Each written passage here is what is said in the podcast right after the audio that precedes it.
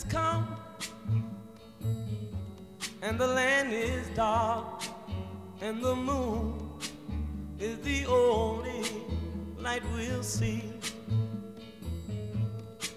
No, I won't be afraid. Oh, I won't be afraid just as long as you stand, stand by me.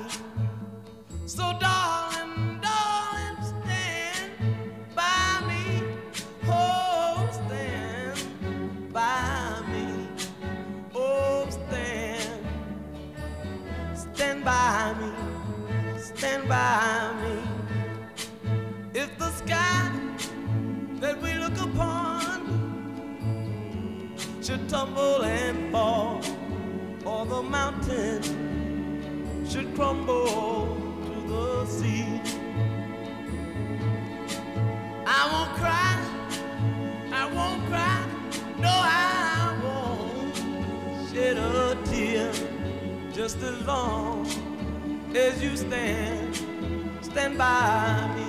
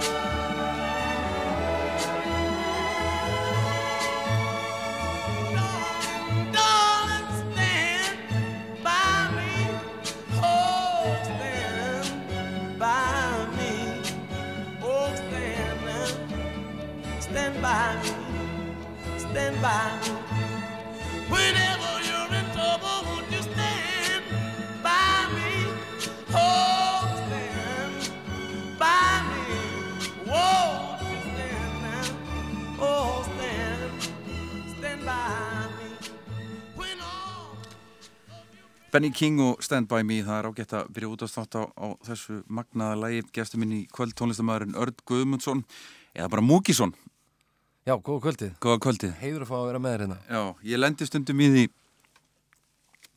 að því, hérna ég er búin að þekka það svo lengi, ég get kallaði Ötta Já, einmitt.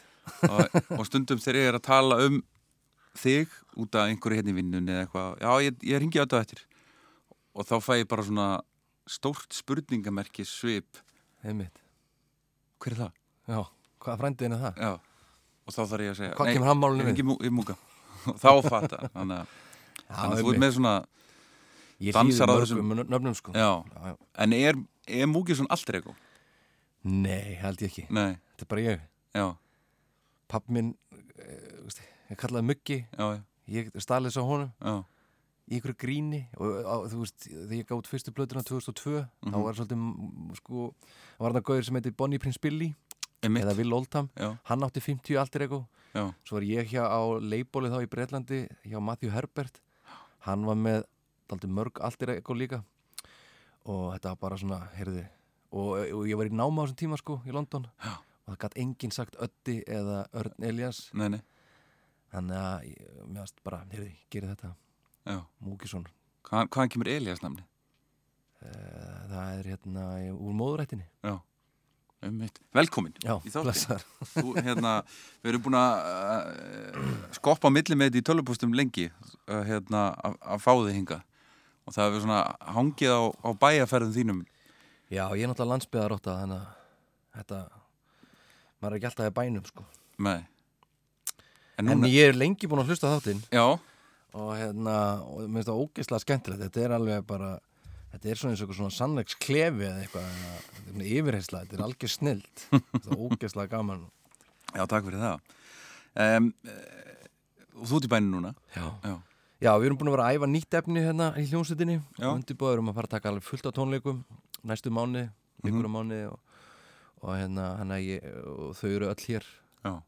Hvernig er ferlið? Ertu þá bara heima í, í Súðavík, semur og sí, hérna, leifist strákunum að heyra og eru þeir svo að gefa þér svona feedback og segja nei, þetta er, þú veist, sleppum þessum kabla eða þéttum hér eða það er nú engin rosa regla á þessu, ég reyn líka ofta að brjóta þetta upp eins og núna uh, er ég að gera svolítið sem ég aldrei gert áður að ég notaði tölvun ekki neitt.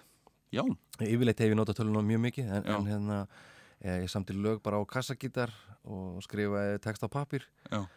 Og hérna þannig að hún er bara, og spilaði ekki fyrir neitt nema rúnu. Já, Uh, þannig að yfirleitt hefur Pétur Ben og Biggi vinnu minn fengið að heyra allt bara Já. jafn óðum þegar hver er lína eða hvað sem er að, gerast í læginu sko. Já, en núna hefur enginn fengið að heyra neitt. Það er eitthvað eitthvað sem ég langaði bara að prófa hvort að maður eitthvað heiðalegri eða eitthvað en svo kom nú ekki á daginn. Og hvað sagði konaðinn? Já, ég held að hún sé hún, hún er svona sjóaður réttstjóri í þessu sambandi. Já, ég er nefnilega að veita að hún er, hún er rítstjóriðin Já, þannig að sko það er, veist, kannski, það er ekkert svona gaman að segja frá því endilega, veist, en, en maður, maður hleypur til hann og segja hvernig hvað þér þetta? Og yfirleitt er ég bara að lesa í svipur og, og, og, og, og, veist, og við erum búin að gera það lengi að stundum lítur hún ekki eins og upp frá síman sko. og þá bara lappar tilbaka og dreifur gítarinn á eftir fer ég inn í herbyggja og grenja aðeins og held svo áfram. Mjög gott. Herðu, þú vildi byrja á, á þessu æðislega lagi, þessu einu bara magnaðasta poplægi sem hefur verið samið, Stand By Me. Já, mér finnst það bara ógeðslega cool opnari Já, á þætti held ég. Já, það er hérna e, lag, ég, ég spilaði þetta ógeðslega ofta fyrst þegar ég var að koma fram. Var með, ég var með svona ramagsplötu, elektróniska plötu eiginlega. Mhm, og var að spila og veist, hingað og þangað og, maður, og það voru átt að löga plötunni þannig ég átti ekkert efni skilur til að fylla upp í einu sinni hálftíma með, þannig ég tók eiginlega alltaf Stand By Me af því það er bara fullkomilag já. Og það gæti alveg snúið við tónleikum, eða ekki? Þetta er svona þannig lag. Algjörlega, þú veist, fólk er búin að sjá eitthvað sem er fannst kannski leðilegt, Já. svo kom loksins eitthvað kunnilegt. Herðu, þá voru þessu 20 spurningar. Hvernig, hérna, þú tókst þetta á hraðanum? Já, mér fannst það að því ég, er búin að vera, ég myndi á bara flegi ferð hérna að taka upp fólk og, og veist, vinna. Þannig að mér finnst það, það verið gaman að sjá, veist, hérna, hvernig þetta kemur út, hlusta á þetta eftir kannski mánuð aftur. Já. Uh, ég hugsa að maður getur gert svona lista, eitt svona lista á dag. Já, með 20, alltaf, aldrei samanlega. Já, og, veist, nei, einmitt. Og einmitt því ég vaknaði í morgun, því ég sendi þér þetta í gær, Þá vildur breyta öllu. í morgun hugsaði ég miljón lög sem að og listamenn sem ég setti ekki á listan Já, og ég skammaðis mín eins og, ég, eins og ég væri að fara þú veist, í eitthvað sannleiksstól hérna að segja hvað mér finnst í alvörunni merg og bein, því að músík er mér allt sko nákvæmlega. og þetta er, þetta er mitt hjartasmál þannig að ég, ég vaknaði bara svolítið eins og ég bara haldið framhjá eða eitthvað svoleiðis Já, hérna. Það er ekki gott. Ég ætla nú ekki að láta það líða illa, þetta minn. Nei, ég er nú bara að reyna að útskýra fyrir þér hérna. Ég skil þig. Hvað Þetta skiptir mér miklu máli músíkin og þetta er náttúrulega bara, þetta er geggjuð æfing Mhm. Ég til í þetta aftur bara í næstu viku og hefur mig út árið held ég Já, nú ertu komið með spurningarnar sko og nú getur við farið í, í samkvæmisleik. Já, Ég er nefnilega að veita að fólki sem er með spurningarnar eða hefur ritaði niður úr þáttunum og er bara með þetta heima og kannski bara, já, já. bara eftir, eftir göldmatt og allir svara. Já mér, maður hugsa oft þannig þegar við, við hjónum erum rúnda úst, Já. Heim eftir pítsuferð á Ísafjörðu og hittum á, á þig Já, og þáttinn og þá er einmitt, maður er svo sjálfhverfur maður er alltaf, Já. bíddu, og, hvað myndi ég gera? Já, og svo er ykkur hjá sem að velur eitthvað svona, þetta var geggja og maður, þú veist, rífast upp fyrir mann, Mm fyrir manni hérna, eitthvað á fórtíðinu svona, það var úkislega skemmtilegt. Takk fyrir það. Þá förum við bara í æskuna. Já, Fyrsta lagi svona sem þú mannst eftir að hafi gripið þig já, og þú varst að hlusta á mikið. akkurat, uh, sko, það var nú þannig, og það kemur eiginlega fram í þessu fyrstu tveimurlugum, að ég flutti til Grænhöði þegar, þegar ég var sex ára. Já, og á leiðin til Grænhöði þá stoppuðum við í Amsterdam flugvöldinum og pappi keipti videotæki uh, og sjónvarp. Ok. og það var svona að hugsa fyrir okkur börnin. Já, það var að fara í nýtt land, nýjan stað og það var ekkert að eitthvað gaman. Já, eitthvað smá kvíði í honum örgla og hann kefti tvær kassettur eða veist svona já. fyrir okkur. Og annað var sem sagt eh, svona sapn af Lionel Richie lögum vídeoum Af hverju? pappi minn er bara sérstakur. Ok. hann að og, og hitt var? og veist, þannig að maður horfði á það. Já, hitt var svo Bugsy Malone. Já, ok, mjög gott. Og, og reyndar var hann að þriðaspóla með Whitney Houston. Já, sem ég held að ég hafi skrifað. Nú mann ég ekki listan sko Nei, nei. jú, Já, ég held ég hafi sett hana. Allavega þetta var bara á lúpu hann í Afríku. 24-7 24-7 og Lionel Richie. Hann hefur Náttúrulega. greipið þig. Hver, hver sleppur undan Lionel Richie? Engin sko. Engin, nei, náttúrulega svona groove og svona soulful stuff. Þetta er náttúrulega samt svona 80s orientera Mhm. þannig að um, ég hef nú ekki hlusta á þetta svolítið lengi en ég get ímynda mér að ykkur tíman hefði mér fundist þessi tónlist alls ekki nei, jafnvel hallarislega mm en uh, ekki lengur. ég, ég hef ekki hlusta á það er smá laka mér svona til að hann tjekka hvað þetta sé töff. En Lionel er töff, hann er geggjaður lagahönd mjög góðlega og ógeðslega, þú veist hann er gert alveg geggjaða perlu sko. og lægið sem að greipið þig með honum að þessari spólu. Já, það var náttúrulega all night long. Auðvitað. Og það var svo flott vídeo eitthvað, ég maður bara svona það var það sem kom upp í hugan Lionel Richie.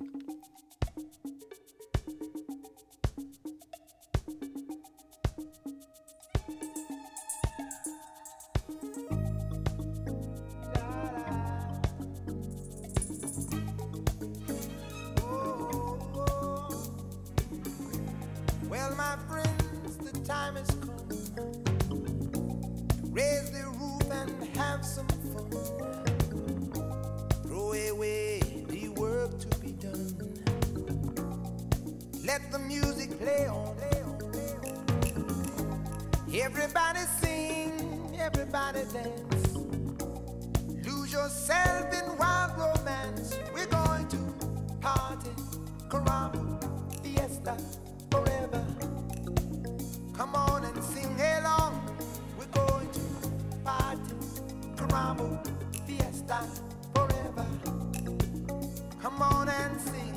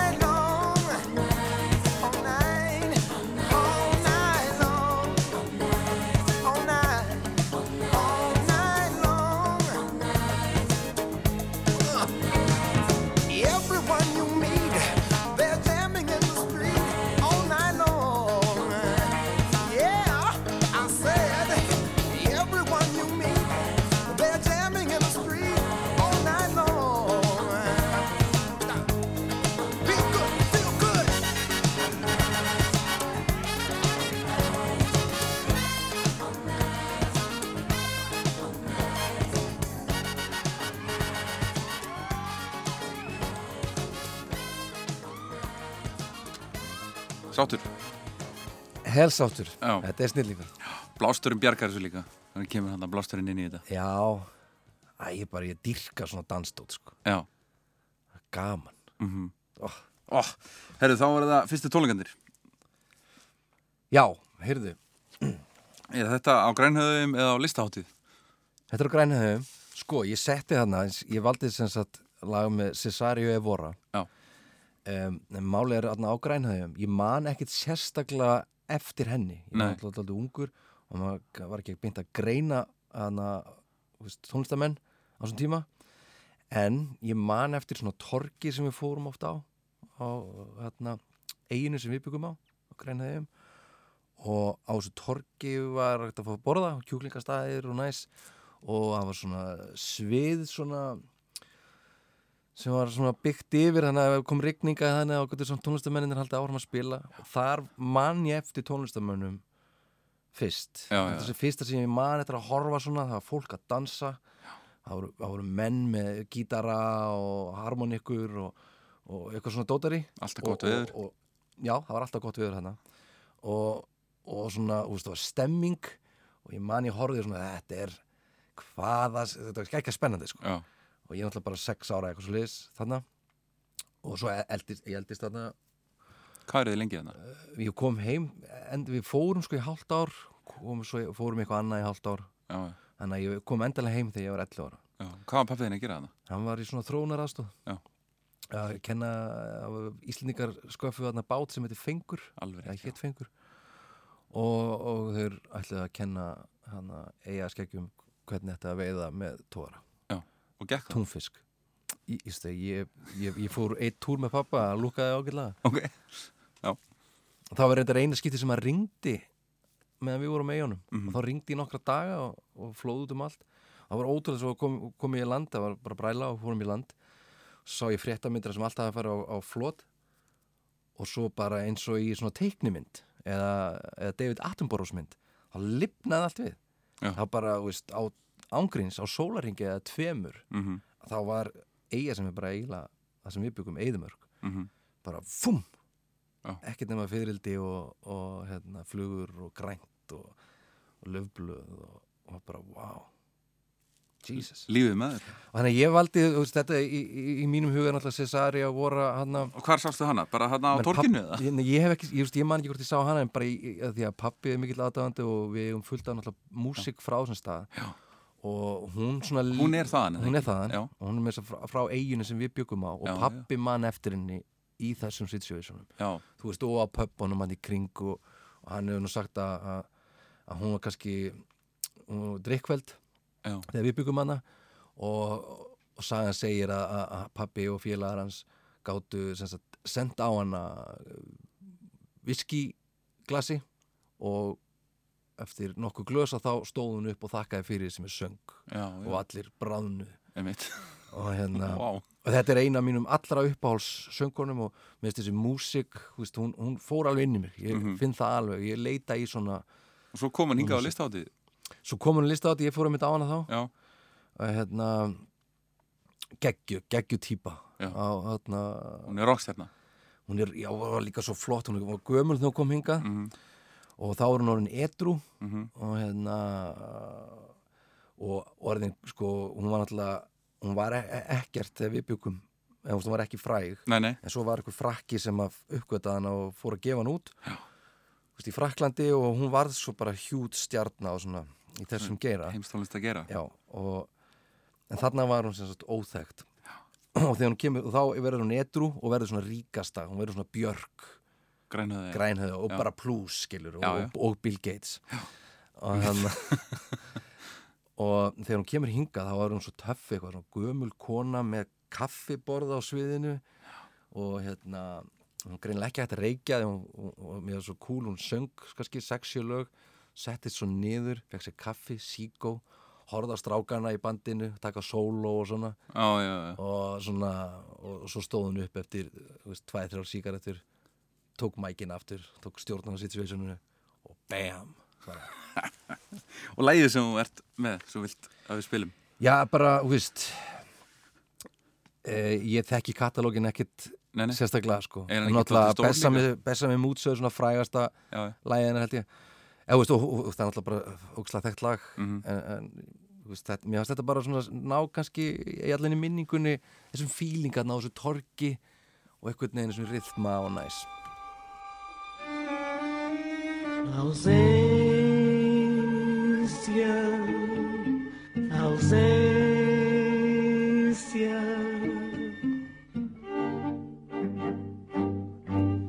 Se asa tivesse para voar na distância, se um gazelo fosse para correr sem nem canseira. Então já na você tava mamachê e nunca mais ausência tá ser nos lema mas só na pensamento viajar sem medo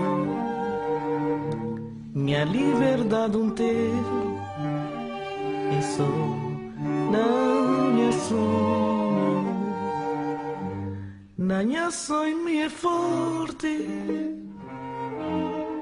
tem boa proteção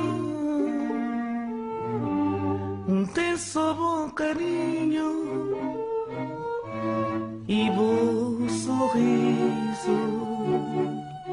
Ai solidão tem cima só sozinha nasceu. Só tá brilhando mata cigana se clarão sem saber pra onde lumia pra onde vai. Ai solidão é um sinal ai solidão tem cima só sozinha nasceu só tá brilhando mata cigana se clarão sem saber pra onde lumia pra onde vai. Ai solidão é um sinal. Mas só na pensamento tá viajar sem medo minha liberdade um ter é só na minha sonho na minha sonho é forte um tem boa proteção um bom carinho e bom sorriso. Ai solidão tem cima só sozinho nasceu só tá brilhando mata cigana sem clarão sem saber pra onde lumia pra onde vai. Ai solidão é um sinal ai solidão tem cima só nasceu. Só tá brilhando mata cigana sem clarão sem saber pra onde lumia pra onde vai. Ai solidão é um sinal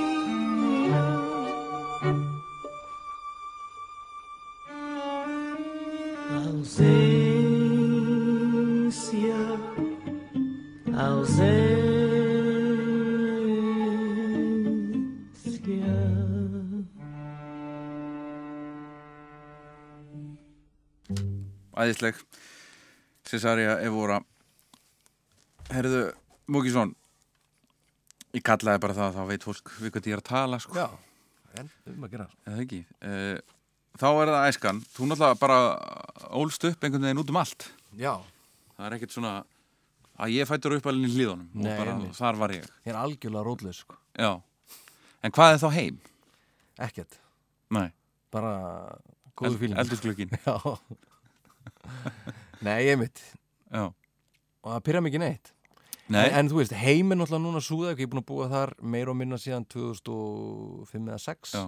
Þú har aldrei verið að blengja á einu stað? Aldrei verið að lengi einu stað. Og þú veist, er strákana mínu upp þar. Um, Þannig að súða ekki er heim, ekki Já. spurning. Já, og, og vestfyrir eru, eru þú veist e- eru stór hluta af mér. Mhm, hérna, en veist, mér stóð, hvernig reikna maður þetta, er þetta það sem fóreldrarnir eru? Og eða er þetta hérna sem maður, maður mótast mest? Ég til dæmis er fættur alveg upp í Hafnafyrði Já, Ég, ég flutti bara rétt rúmlega tvítur úr Hafnafyrði og hef aldrei flutti aftur. En það, þegar ég kem inn í Hafnafyrð þá er ég doldið að koma heim. Já, já, já, já, það er svona doldið heim. Ymmit, ég er nefnilega aldrei viss sko. Ég er Nei. alltaf heima, eða ekki heima. Já, já, já. En mér er oft fundið sko breiðholti vera næst þessu. Ég var þar, þú veist Ná, mótunar á Já, 12 til, ég veit ekki að 15 eða Já. fram að 10. bekk. Já, og hann er mér veist ofti ef ég rúnta hann í gegn, gegnum Vesturbergið og Hólana. Mm það sem varst að hanga mikið. Já, einmitt. þá ekki segja aah, þá fæ ég svona aah þá var gaman hérna maður. Já, það ekki? Já. Hva, hva, Hvað varst að gera í, í bregðaltinu? Bara slæpast? Nei, já, við, við, við, við byggum bara hann í Vesturbergi 74 sem er akkurat miðjan Já. Veist, þú, ég gætt valið fella eða hólaskóli Já, og, og hvort fórstu? ég fór í hóla Já. um, ég veit ekki akkur sísti mín fór í fella Já, varstu eitthvað að byrja músikast þá?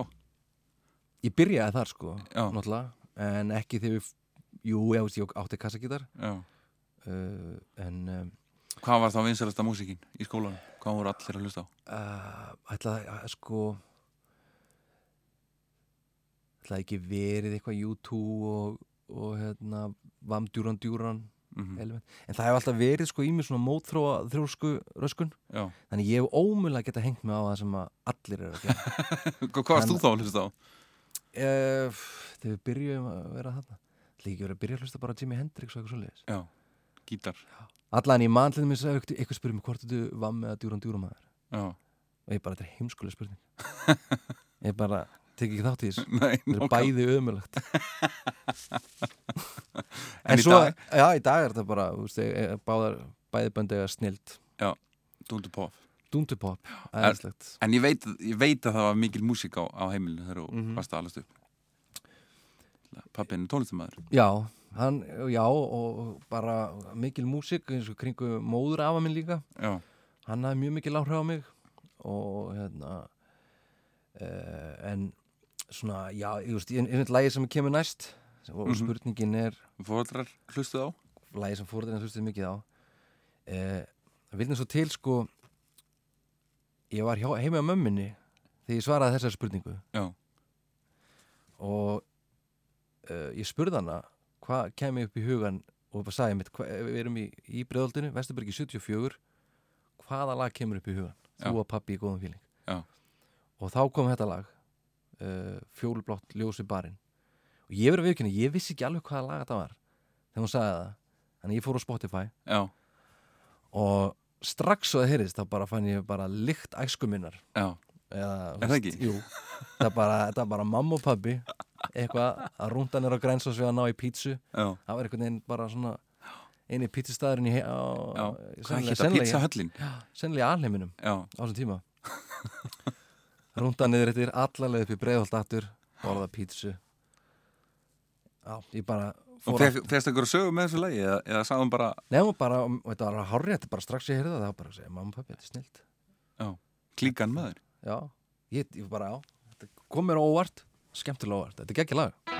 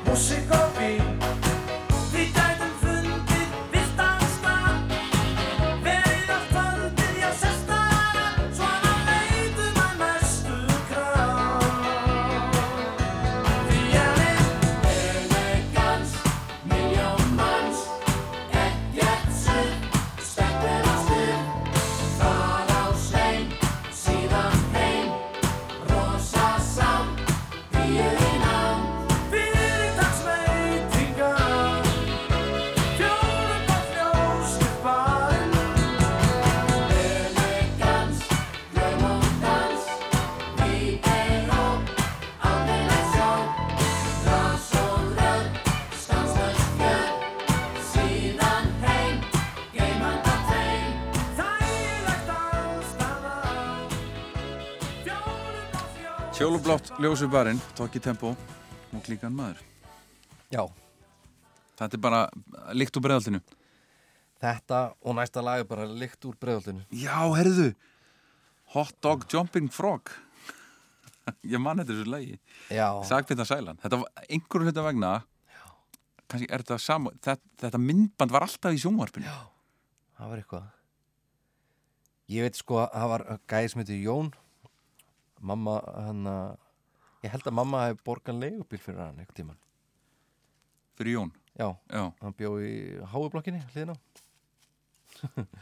og um, og svo daginn eftir þá kom hann með plötu og hann er sérst frændi Kalla frænda minns ég, já, við erum tengdið þannig ég og þessi Jón Mm og uh, uh, mjög skemmtilega maður Jón og Kalli frændi minn er algjör uppáhaldi Já.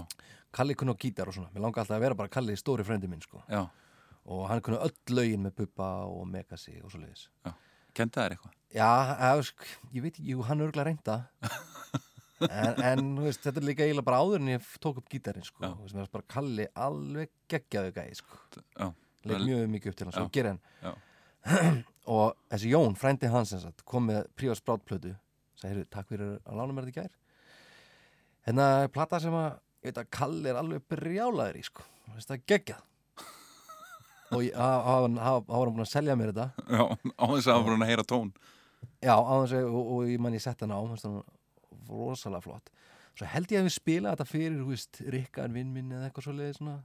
Já. og bara, oi ógeðslegt. Það er, þetta, er rétt aldrei að spila þetta fyrir neitt neitt annan en Kalli frendi minn í Bólungæk hann fílar þetta þannig ég ætla bara að hlusta á þetta í headphoneum hérna og, Og gerður það? einn. Já, já, já, Já. Þetta er rosalegt lag, sko. þetta er snor, snarrugla lag Já. Og hvað er þetta?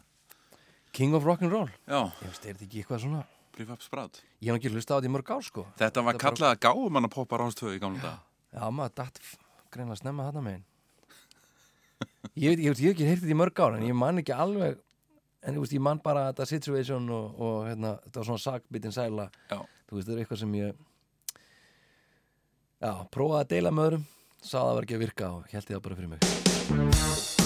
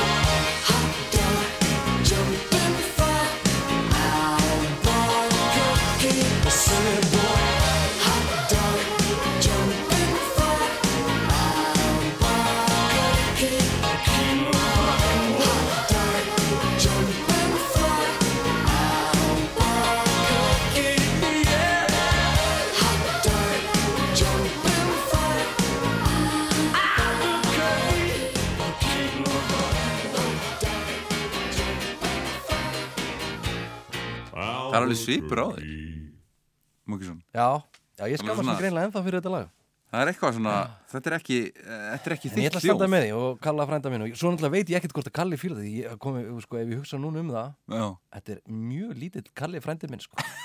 Hvar var hann? hann, uh, hann bjó í Bólungæk en ég hitt hann ekki ofta á þessum tíma. Já, en það var alltaf bara heimsmeistarakeppnið hann kom með fóröldur sínum heim til mín. Já það ekki. Eða ég heim til hans. Já, bara algjör snilt, þá drakk maður í sig hann fyrir mann og mikið bubba ég var Já. alltaf beðin að spila bubba. Ég bara dyrkaði bubba sko. Já, og hann, uh, og KK líka. Já. Uss og Magga Eiríks. Svo þú búin að syngja með Bubba núna? svo ég er búin að syngja og ég með þess að sami Hvernig var það símtal þegar, hérna. Bubbi ringir og segir Tökum við duett er svo skrítið, maður verður bara pingu lítill. Já það ekki? ég get svarið það, þú veist maður sjóast ekkert eða svona í svona tilfellum. Ég man, ég spila ammali tónleikum hjá hann líka. Já, og ég var svo stressaður að ég gat ekki, ég spila einn á gítar sko, spila aldrei fór í söður Já. ég var svo stressaður, ég gat ekki gert hljóm. En ég söng hluta læginu bara, þú veist, bara rödd. Já ok. Það er að ég var að bugast að stressi. Ég gat ekki, puttan í Elsku- hlýttu mér ekki. Elsku kall og það bara því ég vissi að hann var í- eh, Hann var- hann var held horfa. að, held að hann hafi verið að horfa. Já, ég hysnum að mér, var bara shit, Bubbi, Frikkin, Mortens. Þú veist, það er líka maður búin að vera eins, eins og þú veist, minna, hann líka bara búin að hluta þínu lífi alltaf. Já, og þú veist, músik er svo stór partur í mínu lífi að, Já. að, veist, ég bara það er bara örgulega besti vinnu minn. Já. alltaf með headphone, sérstaklega á þessum yngri árum. Já, og þannig að tengingin er svo sterk. Já. við, þú veist eins og þess að ég fór á sjóin þá var mannakotn eða svona best of plata Mhm. Magga Eiríks lög. Þú veist það bara, þetta er bara þetta er beint inn í merg og bein. Byrjar að bara að halla þér svona þegar þú heyrir, heyrir lögin að smaka já og Káká líka eins og veist, þegar hann kom í man, ja, þegar afi minn kynnti mig fyrir honum Já. þá er Káká að koma heim hann er búin að vera útlöndum og gerir hérna Lucky Lucky, One. Og svo náttúrulega hérna er ekki bein leið Já, ég man að One var rosa útland, útlendis plata já og þá var stöð 2 komin og það var sendt beint út frá einhverjum stað sem ég man ekki hvað heit, einhver svona blústaður inn í bæ. Og ég tók það allt upp einmitt á, hú veist, vídeospólur og, og þá einmitt ára tónleika með KK og, og Bubba þar. Og svo náttúrulega þegar þarna bein leið kemur og, og vegbúinn og, mm. og bara þessi músik anskot hvað hann er stór hlutamanni þannig að jú það var skrítið að, að syngja með Bubba. Já, og enn skrítnar að spila og vita hann er í salnum. Já. Ég ætla bara að byggja þess að gaurum að, láta mig ekki vita ef þeir ætla að mæta á tónleika. Nú förum við í áratöðalögin Við ætlum að byrja í áttunda áratugnum 70-sið Já, þetta geggjað. Þetta var mjög erfitt. Já, mikið undir Já, sko 70s er náttúrulega, veist Þegar ég er ungur þá varð ég snögg hippi eftir hann að Dorsmyndina Ég veit ekki hvort þú mannst eftir henni. Já, voru auðvitað allir hippar. Við Já. erum, á, þú veist, þú ert aðeins eldri en ég. Já, ég er það- 76 þá allt í einu bara mætti ég í skólan einn daginn og það var allir konur í mussu úti að buksur og ég kom heim og bara, mamma, við þurfum að fara og bara, ég þarf að fá nýtt dress alveg. Einmitt. Ég, bara- ég, það er nákvæmlega saman Ég sko, ég fór á myndina tvisvar. Já. Fyrir mynd var ég eh, bara uh, þokkalegur í íþróttum. Þú veist, hafði gaman að fótbolta og svona. Já, já, og bara öllu, öll, allir reyfingu æfði sund Já. bara í fjög, fimm ár og hverjum degi sko á tímabili. Tvisar á dag. Veist fram að dórsmyndin þá er ég bara komin stundum tvisar á dag. Og og svo bara, svo sá þessa mynd. Já, beint út í búð. Kaupa síkó safna hári. Hippa buksur eitthvað staðar. Já. Kaupa það eitthvað staðar og svona mussu drasl og, og bara já. drekka viski. Já. það er fáralegt hugsa sér. Þetta er ótrúlega mynd, sko. Ég þannig að horfa á hana eftir, ég ekki menn var þetta eldist nokkuð. Það veit það ekki. Nei.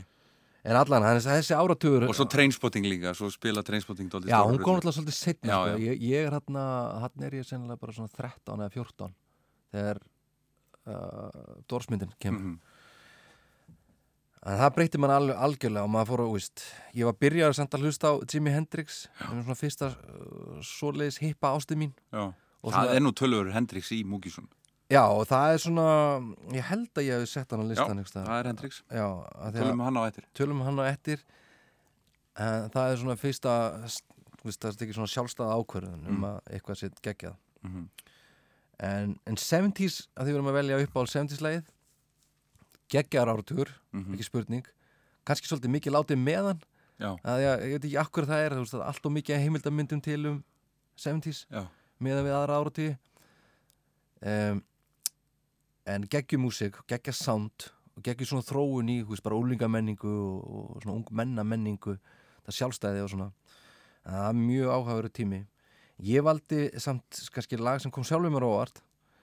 Að þetta er ekki beint hippalegt það er hérna They Long To Be Close To You með Carpenters.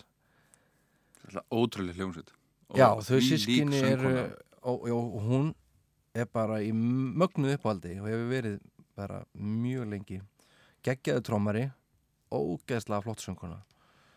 Og ég hugsa úst, svona 70s slick. Það er nú að vera svolítið slick með prífa sprát þarna? Það er kannski, það er drull á eftir við erum sko. kannski að missa fólk hérna. Það er nóga drullu framöndan Já, það er nú skemmtilega dóti. En það er hérna Mér finnst eitthvað, það er eitthvað við sko, þú veist, þau eru aðeins, þetta er allt og mikið stund, eins og bróður hennar. Já. hvernig hann er að ratta, þú veist, maður stundur bara rættur þetta er allt og mikið. Veist, það er bara, er, hann- er hann raðmorðingi eða eitthvað, þetta er bara, hvað er að gerast?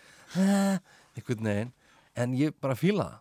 Já, og hún er bara, þetta er engill þessi kona, þessi rödd og ég bara dýrka hana sko. mhm. og trommuleikurinn, hægjat spilamennskan í þessu lagi? Hjá henni, og hún spilaði alltaf. Hún er bara eitt besti hi-hat spilari plánetinar, ever. Og það er trikki mm. þar liggur þetta allt saman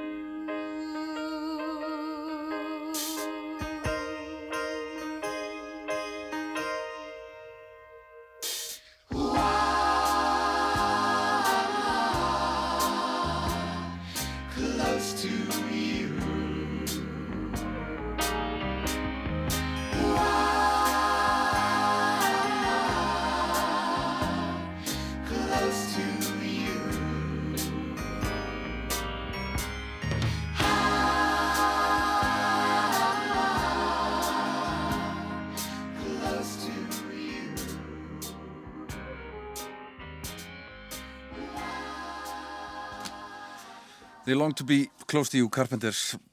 Já, ég skil ekki að hverju ekki komið með bíómynd þarna, þetta er allt og Er þetta ekki bara dánabúið og fjölskyldan bara já, já, fá ekki að nota lögin og vilja eða- hafa puttin í það. Guð með góðu hvað það yfirleikur alla poppara myndir maður. Já. Jesus Christ. Nú var að koma talandu myndin, nú var að koma Mötli Grúmynd á Netflix. Já, það, Já, eftir bókinni. Ég er búin að horfa á stikluna og stiklan er uh, fyndin en þegar ég var búið með hana þá var ég bara, ok, annarkort er þetta meinfyndið og, og skemmtilegt og sorglegt eins og bókin er. Já, og þetta gengur upp. Eða þá að þetta verður eitthvað bara svona a- a- svona, þú veist svona, ah, svona eins og horfa office þáttur maður horfa office í já. leið bara illa. Einmitt. Já, gæti verið, það maður neyðist til að hlæja bara. Já. en Það geti verið, það er eins með Spinal Tap. Ég veit ekki, að náttúrulega tónlistamenn horfa, svolítið hana Ég veit ekki hvort að fyndin. fólk hafi gaman að en, en það er svo skuggala náláttur umveruleikanum já, að þú veist, ég, ég er allar þessa típur Ég get ekki hleið, sko en ég er búin að horfa á hana miljón sinnum. Já, en ég bara get, ég, ég er bara þetta er svona þetta er meira næði sko bara, ég er allt þetta fólk. Já, sítuðandi ykkur og þetta er alveg, þetta, er- bara snild en ég held að engin annar hafi gaman að þessu. Það eru nýjunda áratugurinn Heyrðu já. Sko e, það er líka snúið því að maður var náttúrulega mótunar ár um, og náttúrulega mikið að gera þarna þá maður sjálfur dettin í íslenska músík. Mm en ég fatt að núna, ég hefði kannski átt að velja eitthvað íslenskt en ég gerði það ekki. Eh, sko það var til vídeospóla heima með myndbandi að þetta er semst, ég valdi Stevie Wonder I just called to say I love you og þetta var til á vídeospóli og ég Já. horfði á það svo oft þetta vídeo og, og hlusta á þetta lag með þetta lægið og, hljómanir í því eitthvað mjög spennandi og þannig að en, en þú veist, en ótrúlegur lagahöfundur. 80s er náttúrulega uh, svo margt ógæðslega gott Já. og svo margt ofurpródúsirað Já og það er bara það er bara gaman aðeins sko. Já, og Steve Wonder er náttúrulega snillíkur Hann er æðislegur sko. Ég, hann eh, náttúrulega, það hefði meika kannski meira sens að velja eitthvað, þú veist, meira funky meira Já. early stuff Já. svona 70's en ég kynist honum ekki fyrir hann 80's Já. Eins og flestir og, sko. já og ég, meni, ég held kannski á að fyrsta lægi með hann og setna en ég man að George Michael gerði cover um, og ég mæ ekki hvað söngkonan heitir hérna sem að söngða með honum hvernig var það náttúr Já,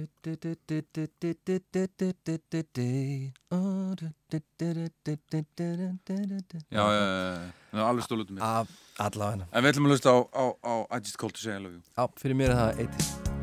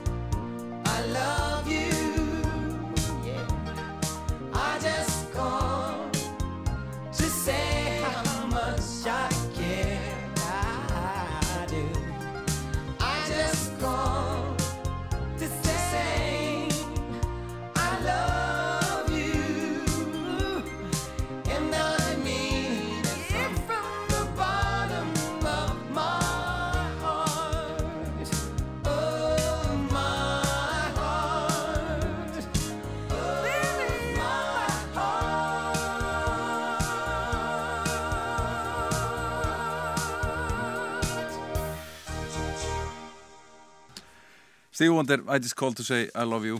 Yes. Herri Mókisson, við höldum áfram. Það er tínda áratúrun, 90'sið Ekkert rugg uh, eh, Okkar eina sanna. Okkar eina sanna. Ein, eh, sko, Ég bara eh, uh, higg ekki við að segja ég dyrka þessa konu. Já. þannig að enginn haft jafn mikið lágrið á mig sem músikant þótt að það er svo öruglega erfitt að heyra það í minni músik Nei, nei, ég, ég, ég, ég skilði það alveg. Já, ég er allan að uh, sérstaklega á þessum mótunar árum debut, Já. við erum að tala um Björk Guðmundsdóttir debut, post. Mm og Homotering já, algjörlega.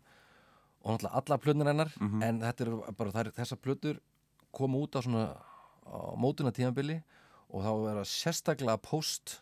Mm ég fór í smuguna þarna. 90 og eitthvað. Man ekki alveg, alveg hvað ára var, það er 97 Já, það, var, það var hart, var það ekki sex veikna túrar og bara mjög þegar ég var þarna allt sumarið, vorum í fjóra mánuði eða vorum tvo daga í land, Ó, ég, bara, ógeðslegt. Ó, ég, hef sko, sko silt í bandaríkinn Ég veit, þú veist, ekki, ekki verið á tóar En ég veit hvað það er að vera lengi um borð í bát sko. já, það, það er alveg hérna, þetta var, að þetta ruggla var rýmanni sko. allt í lagi í minningunni þannig ég er, samt, ég er svona að sjó ykkur alltaf kemur smá rugga bátina Já, þá er ég farin að æla og það er náttúrulega bara umöðlegt en allan tíman nei, að þú veist, nei, nei, nei, það náttúrulega er ekkert bræla allan tíman Nei. það var meira og minna bara ágættis við sko.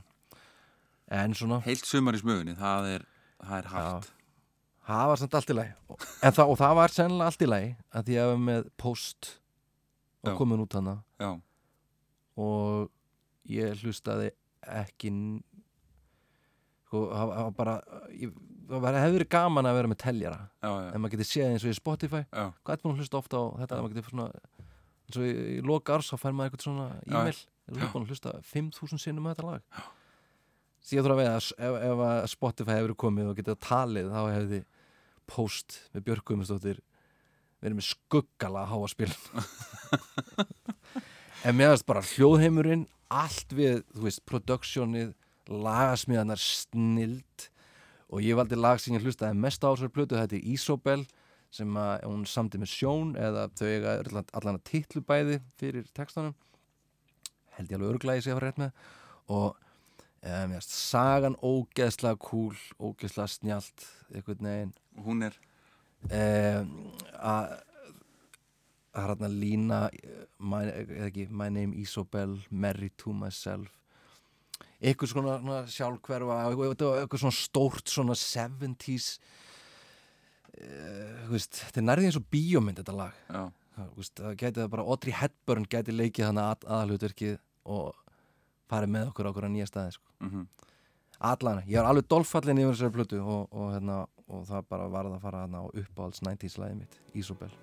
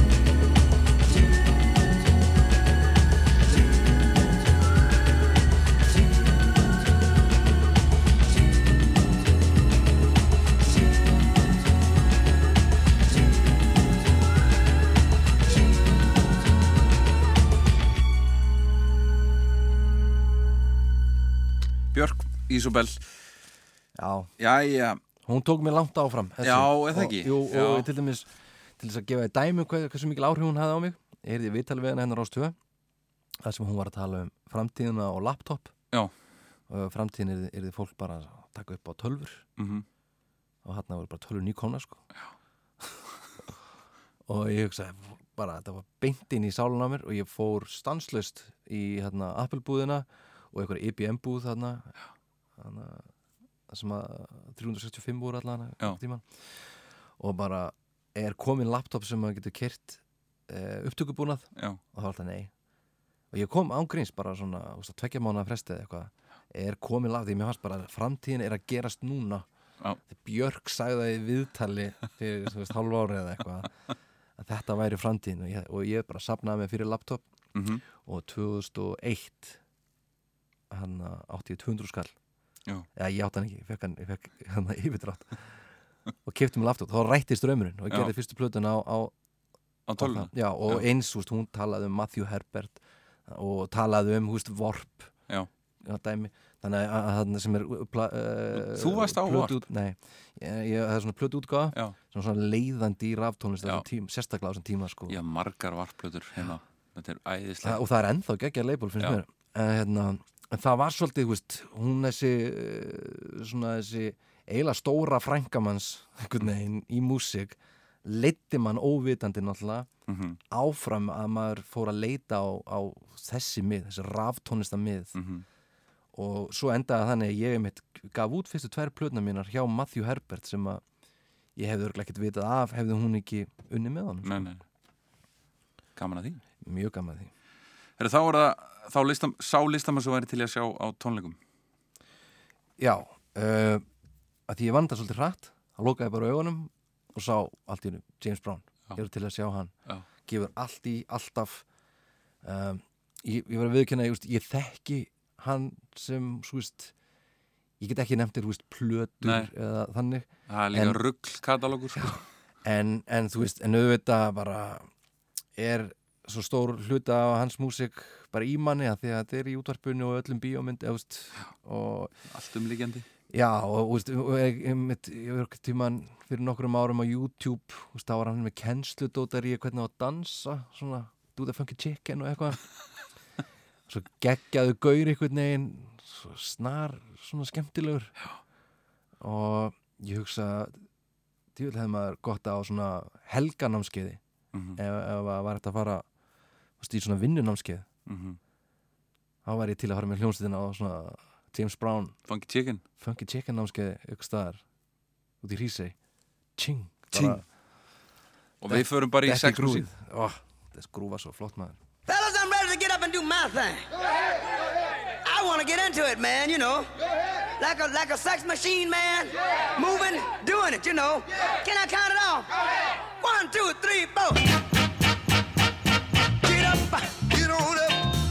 Up, get on up, stay on the scene. get on up, Like a sex machine. get on up, Get up, get on up, get up, get on up, stay on the scene. get on up, Like a sex machine. get on up, Get up, get on up, stay on the scene. get on up, Like a sex machine. get on up. Wait a minute. Shake your arm, then use your palm. Machine. You got to have the feeling. Sure you're born. Get it together. Right on, right on.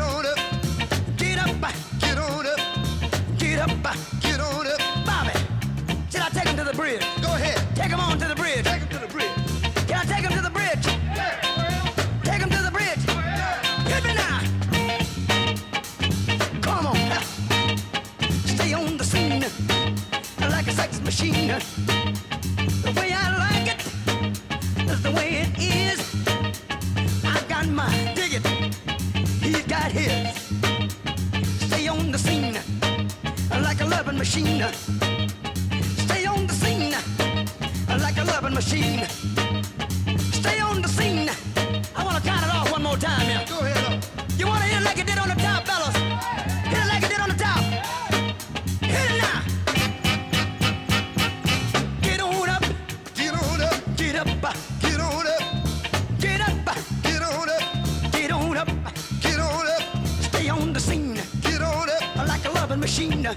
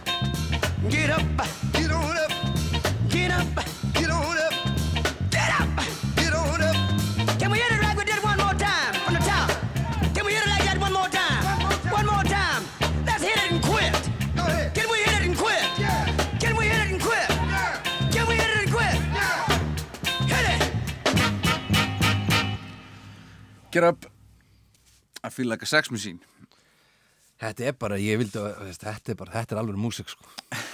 Sjálfur. Ég vil fíla því svona. Já, solofunk er, er það er, það, það, þú veist ég veit ekki hitt mann sem finnst þetta eða konu sem finnst þetta leðileg tónlist, sko Nei, það er líka eitthvað, þetta er á ystu nöf. Já, Þetta er alveg, þetta er alveg að detta í eitthvað, eitthvað, eitthvað skrítið. já, En það er samt svona gleði. já, Þannig að við höldum áfram og viljum vera aðna. já Þetta er alveg geggjað, sko. Herru, platan sem var aldrei leið á Já, hvað seti ég þar? Þar setur þú Pet God Sounds Only Knows já þetta lag e, sko það er einhver voodoo galdur í þessu lagi það er bara hvernig það er sa samansett Er það ekki bara geðveiki Brian Wilsons?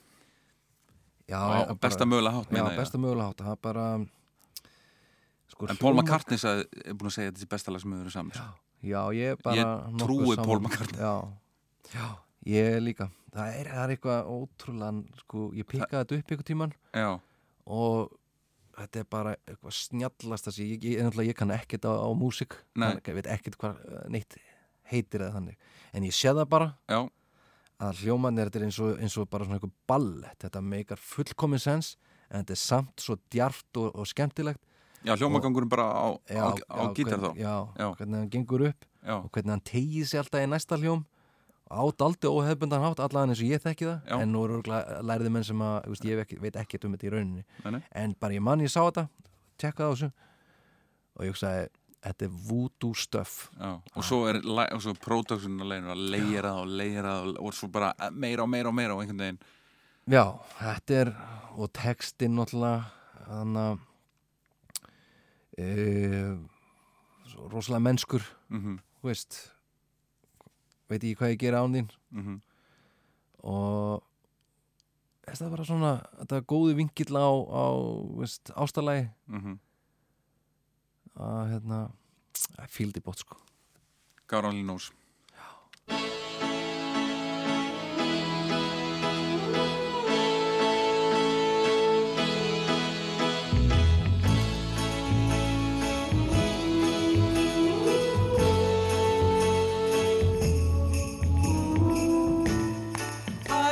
not always love you, but long as there are stars above you, you never need to doubt it. I'll make you so sure about it. God only knows what I'd be without you. If you should ever leave me, well, life would still go on, show nothing to me. So what good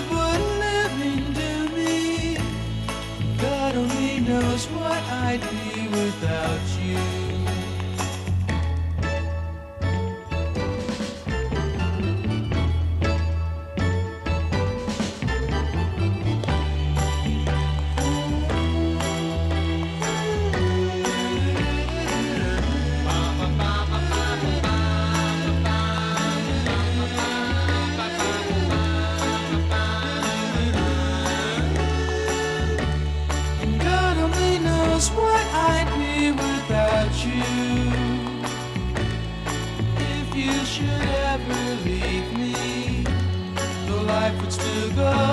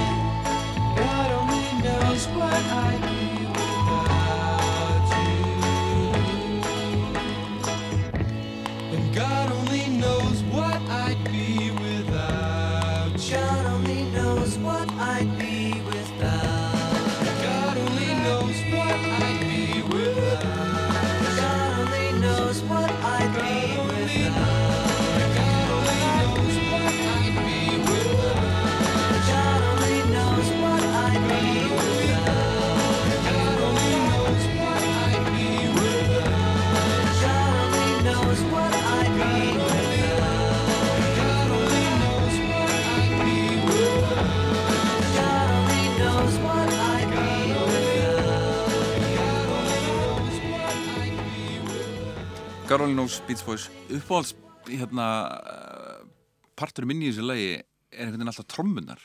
Mm Já, það var geggjuð breyka á svo, og bassalínun er alltaf hjá henni sem að, hvað heitir hún? Karol Já, því líka bassalegni Æðisleg, bara best. Ógesla kúl líka. Já. Já, með gleröfun, hérna, svona rittara gleröfun einhvern veginn alltaf. Alveg bara. Og alltaf einhvern veginn, maður sé myndir af frá þessum tíma, þá er hún alltaf eina konan þetta, í þetta rekkinból hérna, Man langar bara að vera hún sko. Já, daldi uh, uppáhaldsplatan yfir í fyrstu blötuna Já, Hanna kemur Hendrix. Já, sko. Ég bjó hann í Vesturberginu Já. Afi minn bjó á uh, hérna í Kópavóinum En þegar ég var að lappa yfir í Kópavóin til hans þá stoppaði maður í mjóttinni mm. Þar var plötubúð. Mm -hmm. músikumyndir Akkurat Einhvern tímann hérna Ég held að afi að gefa mig 500 kall Var að kaupa ís Já. Þannig ég hoppaði neyri mjótt Sá coverið á, á þessari plötu Slefti að kaupa ís sem að heitir skrifaði hérna Já. já það- Hendrix Collection Akkurat Það var hann að kveiki gítarnum. Hann, hann, hann svona, si- svona einhvern veginn krýpur að kveiki gítarnum Já. Og, og fægir. Ég mann að stóða hann á coverinu og ég bara valdi veist, ég fórnaði afa ísnum keipti plötu, hóra heim til afa aftur. Já, með Jimi það. Hendrix. með Jimi Hendrix, beint í spilaran hjá afa. Já. og svo bara veist, eins og maður hafi farið bara í einhverja, tímavel Já, já, bara fastur hann í þessari vitt einhverja vikur. Ót, þetta, var allt nýtt fyrir mér. Ég er náttúrulega, ég held að ég sé bara svona 11 ára eða eitthvað, gítarinn, 12 ára max. Ekkert búin að pæla í svona músík. Mhm. svo er bara alls konar vera veist, hljóð svona veist, þess að hann var svo mikil svona hljóð bara svona skúlturisti mm og þetta átti svo vel við mig og á ennþá en á, ég man bara þetta þetta var bara eins og að fá öll bræðefni heimsins í fyrsta skipti. Já, beint upp í kjaftin að þér og búm mhm, ótrúlegt, ég man ennþá eftir þessi set, set, bara setja hettuna á mig. Heima í afa og bara shit. Og þetta er svona hresslag því að við erum nú eins og ekki fólk að koma sér í gýrin og Nei, við, Já, því ég get að valið hvert einasta lag á svona blödu sko. Algjörlega, ef við vorum að tala um sko lagasmíðasnild Brian Wilson og veist, gítarfærni þessa manns Mhm. er náttúrulega bara uh, fáráleg Já, fyrir mér er hann bara, hann er meira myndlistamæður hann Jimi Hendrix heldur en tónlistamæður Já, hann er einhvern veginn að því hann er hann, hann svona mótar þú veist, þetta er, að því hann er það hæfileika ríkur. Þú veist þótt að hann sé kannski frægur fyrir að sína svona fimmleika snild, þú veist einhver, einhver likk og naga gítarinn og svo leiðis en í músikin og í færninni þá e, sí, þú veist, finnst mér hann stundum fara lengra. Að þetta er ekki kannski meni, eins og fólk sem er svona hæfileika ríkt mhm, að það neyðist til að sína veist, bara eins og sirkustýr hvað það er besti. Já, já. aftur og aftur og aftur og festist þar. Mhm, en mér finnst oft í músikin hans að þá er hann að skúltúra hluti þú veist að gera, veist að finna upp alls konar stöf í stúdíónu á þessum tíma, já. Og ég menna hann breytti gítarnum, hvernig fólk notaði gítarinn. Algjörlega heldur betur. Og bara svo sem ekki sindan hafi dáið þarna mhm. svona snemma það hefur komið ykkur oh. Hann var að fara að gera blödu með Miles Davis sko. Já, einmitt, það var nú ábyggla orðið alltaf leiðileg plattaði menn ganga alltaf í gegnum eitthvað svona langar að vera alvöru listamenn Við ætlum að hlusta á Fire. Jimi Hendrix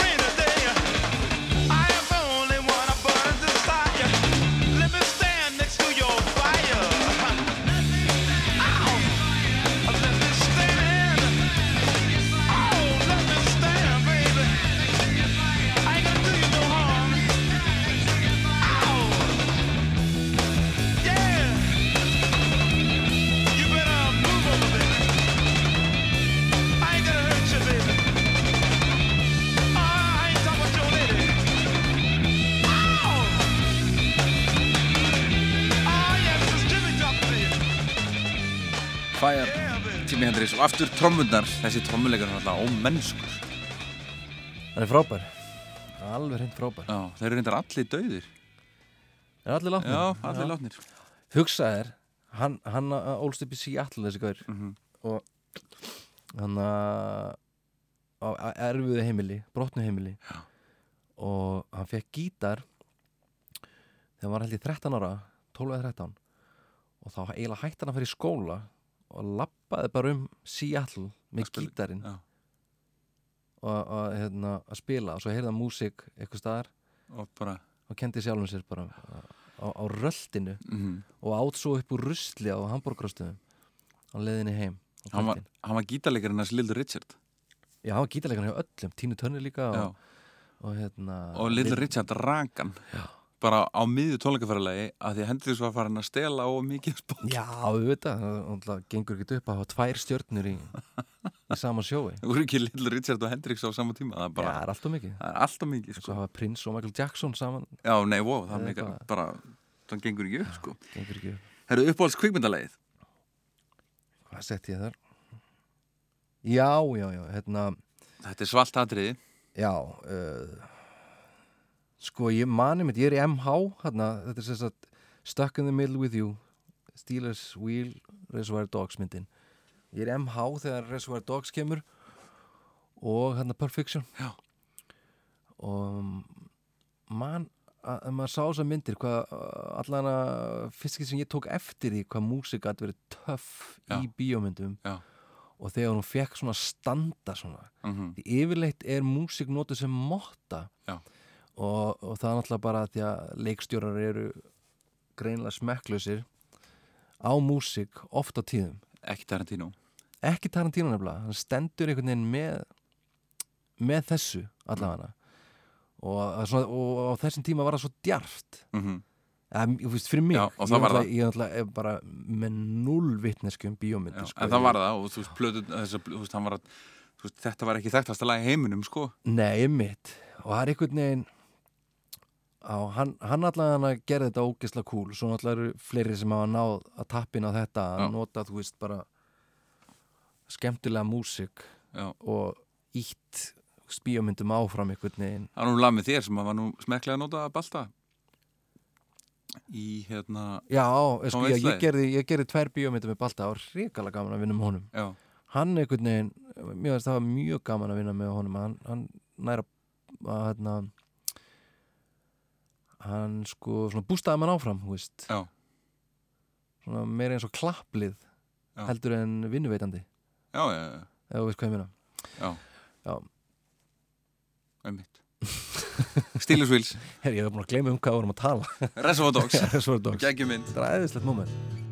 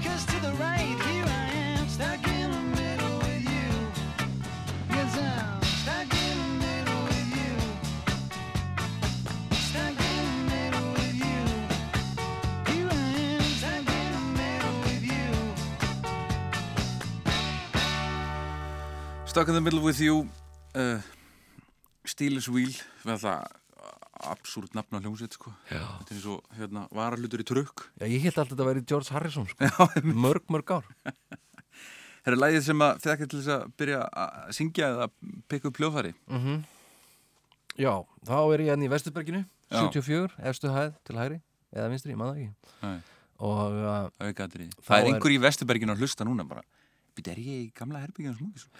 Sennilega, þú ert þar. Um, og uh, það er sem sagt matabóð pappi er búin að bjóða sískinu sínum í mat allan á nokkrum.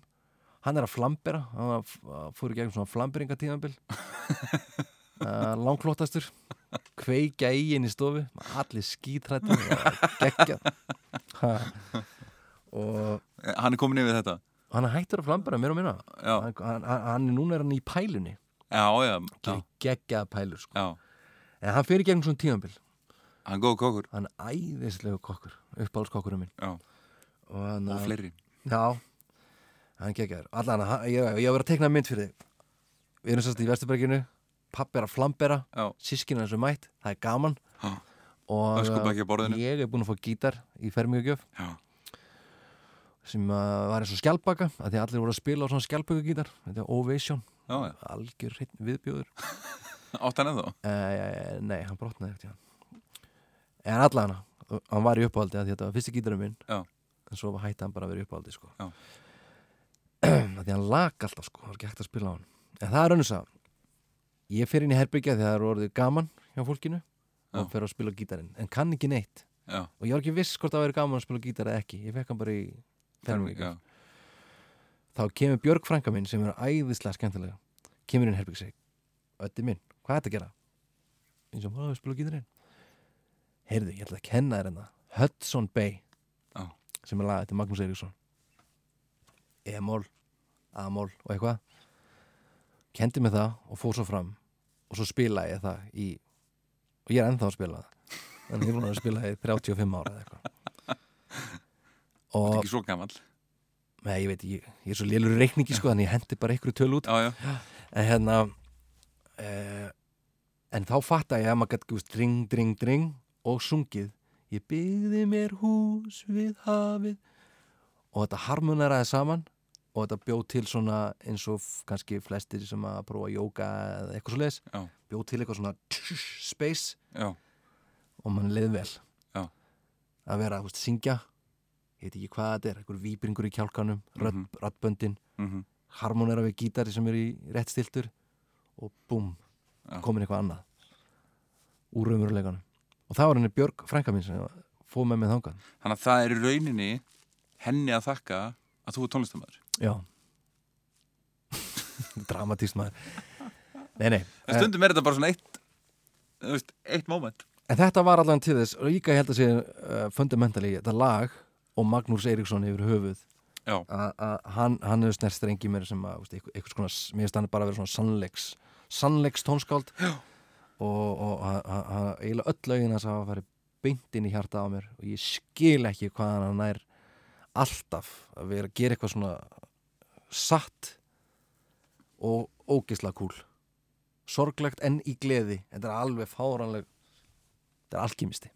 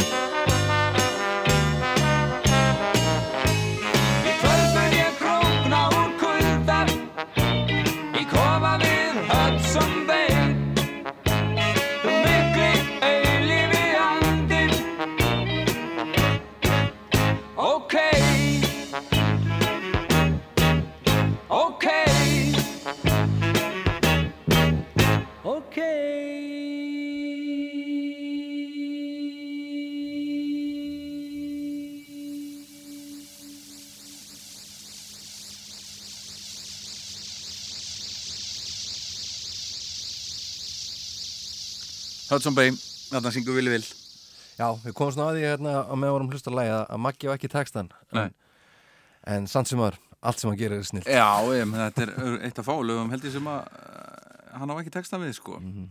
Við veitum halda okkur við íslenska tónlist það er komið að, að, að Múkisson í karaoke. Já, hvað setti ég þar? Hérna, karaoke lag. I Wanna Dance With Somebody, Whitney Houston. Nei, Ekki, nei, ég, fyrirgeðu, við verum á uppáhald íslenska leginu. Ég fór línuvild Það búið til spennu hérna sko. Já, nú er það uppáhald íslenska legi Það er að sjálfsög íslenskt. Já, Já það, það er hérna Veitur kemur í kvöldi mín. Mm Þú setur hérna bara Elli útgáðan Já, punktur. Já. uh, Elli og- og- og alltaf bara eins og hana Carpenters. Já, uh, veist, með eitthvað svona tón í röddinni sem að nær beint inn í, inn í sálun í mér.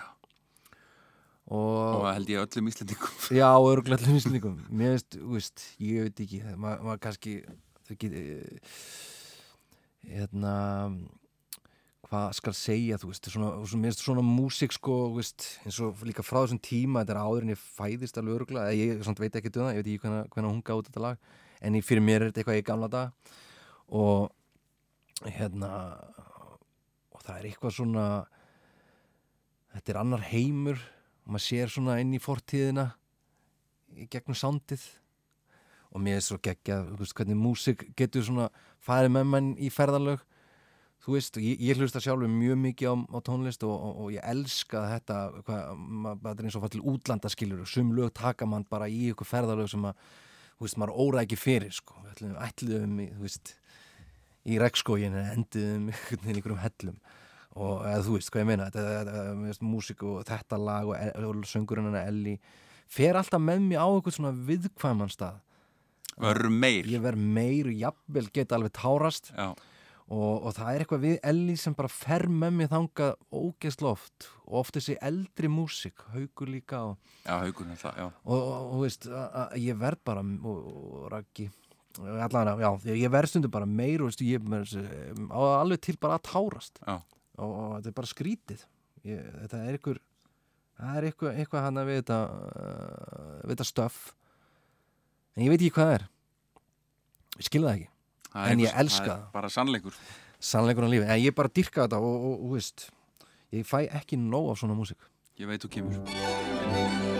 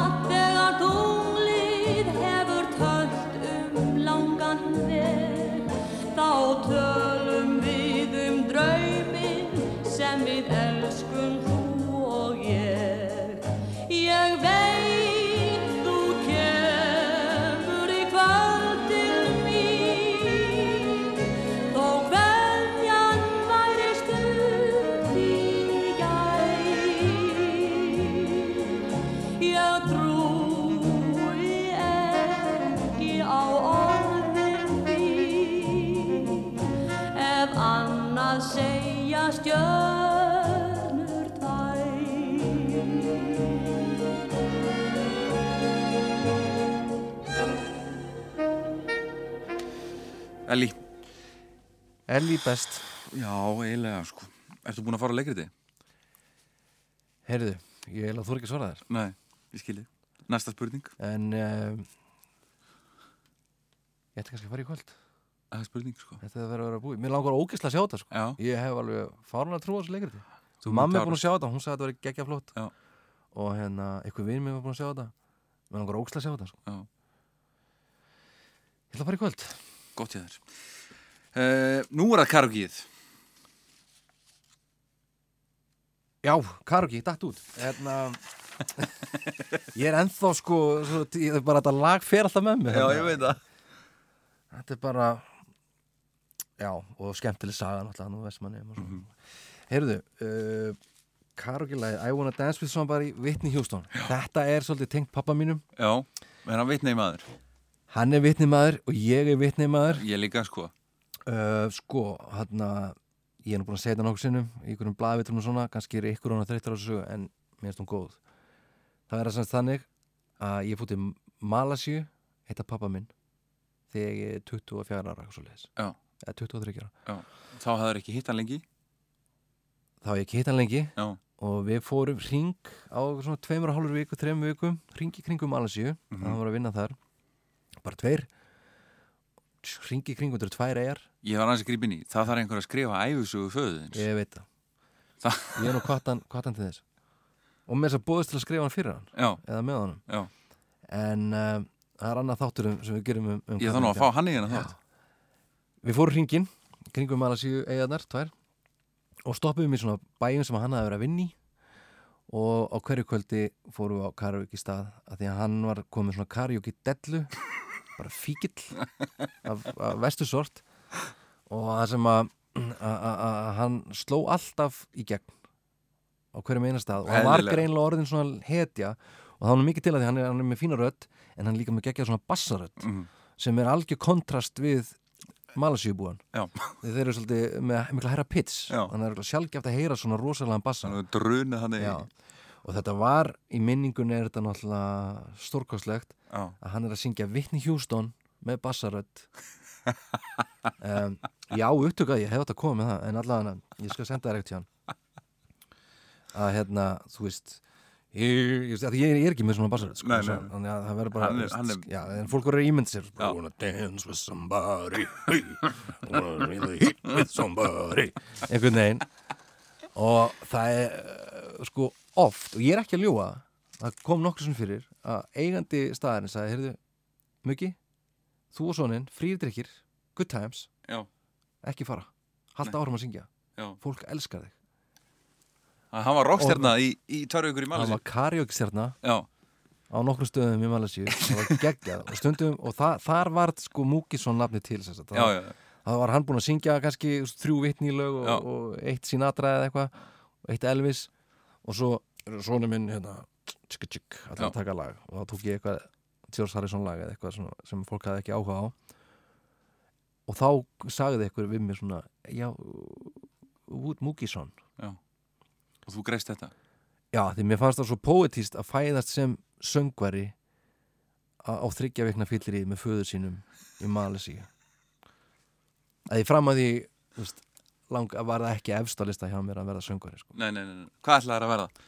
Bara svona hljóðpælari upptökumæður eða eitthvað? Já, Einmitt. voru þið bara fullir í þrjár vikur í Malasi? að þú veist það er betra að segja söguna þannig. Já, við gósa. Já, Whitney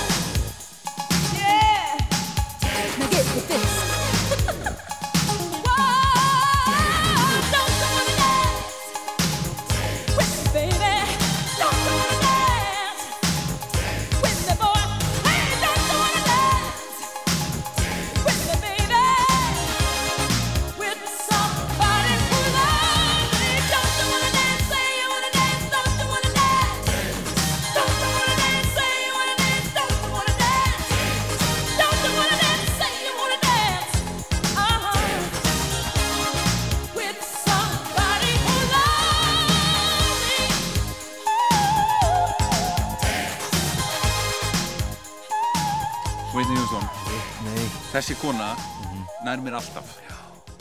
Alltaf. Ég veit að kallin Þessi rödd. Hún er æðislega uh, Ferðalögin. Nú ferðastu mikið. Já, ég er svo heppin að ég hérna e, það er rúmt oft hingað söður Já. Hvað að er þetta? Hvað ertu? Fjóra hólan? Nei, ég er nefnilega, ég er svo sko, ég nýt þess svo að keira þannig að ég, ég er sko stundum er ég bara sjö klukkutíma á leiðinni. Og ég stoppa oft bara upp á kaffi í bílnum. Mhm, að því mér finnst að þetta er svo geggjað sko. Að, að, hérna, ég hlusta svo vel á tónlist. Mhm. ég er einn í bílnum. Og stundum er ég sko ef, ég- ef ég dæmis veit eh, ef ég veit að ég er að fara á dæmis sem er svona vinsæll dagur fyrir mig að fara af stað Já, já. að, að þá er ég alltaf skítrættur um að eitthvað byggjum að, að fá far að, að spurjist út að ég sé að fara í Fannfæður fá að það var búið að eyðina ég er búin að gera geggjaðan playlista eða á svo leis að ég hræðist eiginlega ekkert meira í lífinstundum á miðgutum en að ringi ykkur í mig og segja frétta að vera að fara í bæinn, Má ég rúla með? maður rúla með? Já. Og þá þetta smóltoka í fimm tíma.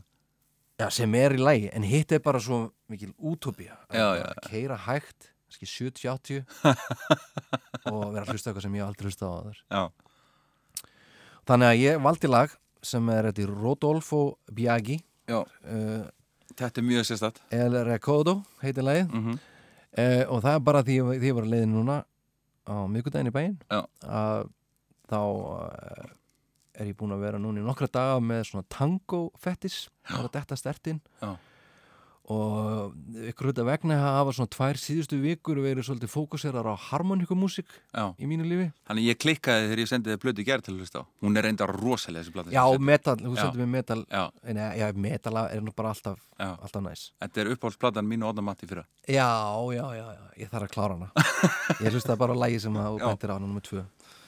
Um, Já, Já. harmonikumúsík er búin að vera ofalega á lista. Já. ég, ég spilaði í tveimur atriðum á Þórablótin í Súðauk á harmoniku og mér langar svo að geta að spila á harmoniku Þetta er erfitt hljóðfæri. Þetta er, ég á takkan ykkur sko Já, sem er svona takka báðum einn Já. og sko í fyrsta lagi finnst mér Nikkan lúka svo vel. lóka svo vel maður. Þú verður bara að ringi Margreti Odna og, og hún, ég Já. sem kenni þér sko Já, það væri, en hún er örglega á píanun ykkur sko. Ég Já. hef búin að senda e-mail á Rolf Vaxson Já, sem er eini sem ég dætti hugan, bólugingur sem spila Já, á takkan ykkur. einmitt Ég spurði hvort það væri til að kenna mér gegnum Skype svo er það kannski bara orðunhæft. Já, En allavegna, ég er tangosjúkur og það er svo gaman þegar ég er að ferðast að þá get ég sett svona fókus að ég, ég er svo ánæður eins eins og að vera að lifanda þessum tímum þar sem maður getur hlusta á hvað sem er, hvena sem er mhm, og úst, hann er bara sett ég playlista sem var bara átt að útskýra fyrir mér hvernig tango var til. Það er bara, fer maður á Wikipedia og, og googlar 50 best tango songs Ertu with svo- accordion. Þetta var gefa út tangoblöðu? Nei, held ekki. En, en sko, veist, mér finnst það svo geggjað. Mhm. svo bara er maður bara með sjö klukkutíma efni og og keirast það Já, og svo náttúrulega er þetta of mikið oft á tíðum. Já, já, og ég man ég gerði svona playlista uh, Tinpan Alley, þá er ég að reyna að finna út, veist, að að fólk tala svo oft um Tinpan Alley ég fatt, og hérna Görswing Já. en ég fatt að, veist, ég skil ekkert hvað fólk meinar þegar það segir Tinpan Alley nei. En ég ákvað að búa til sjöklukkutíma playlista. Og veist, googlaði náttúrulega bara og fann þá, þannig ekki það margir samt, frá þessari klíku Nei, nei, inn á Spotify allan, þá getur maður svona að menta sjálfan sig. Já. og þetta er svo mikið snild. En svo er þetta of mikið náttúrulega alltaf þannig að maður ítir á pásu, þú veist, eftir tvo klukkutíma kveiki bara á útvarpinu. Mhm, þú veist, í eitt klukkutíma eitthvað það heyrir maður svona mass og, og veist, dægu, dægu dæmið og góð lög, þú veist, sem einhver annar er að velja. Svo dettur maður aftur inn. Þetta er svona, svona kennslefni, sko. Já. dýrka þetta, sko, Fríminútur útvarpið. Þetta er best. Og hérna er geggjaðu tango, nú er á fólk bara Íta það er búið að vaska upp. Kannski búin að fá sér tvo, þrjá. Nú á bara stimma ljósin. Tango time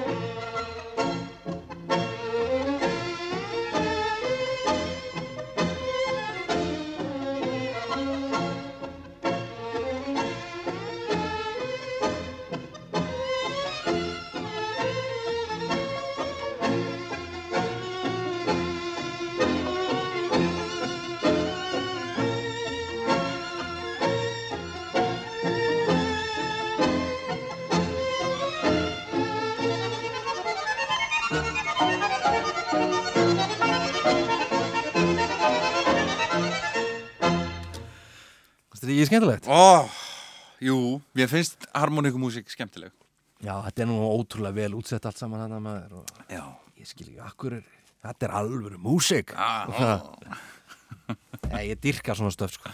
já Ég var sem betur fyrr ekki alveg upp við uh, hvað ertu að hlusta á, þetta er ekki tónlist Nei, nei, nei, En- ég skil þig, nei, ekki ég heldur. Nei sem er kannski ástæðan fyrir að maður hefur svona mikið áhuga Já, það er líka í dag einhvern veginn, það er svo gott, finnst mér, með að við galanda, það, það var, ég heyrði þetta alveg, sko, veist, maður er úlingsárum og, og, og hérna, sam aldramann manns voru að, þú veist, ha, þetta, þetta er glatað, eða, og segja já. manni hvað var rétt og hvað var rátt í músík. en hvað, hvað En í dag finnst mér nú, þetta er bara búið, það er bara, að, að, ég hef ekki heyrt þetta lengi. Nei. Hvað eru strákarnir þínir að hlusta á?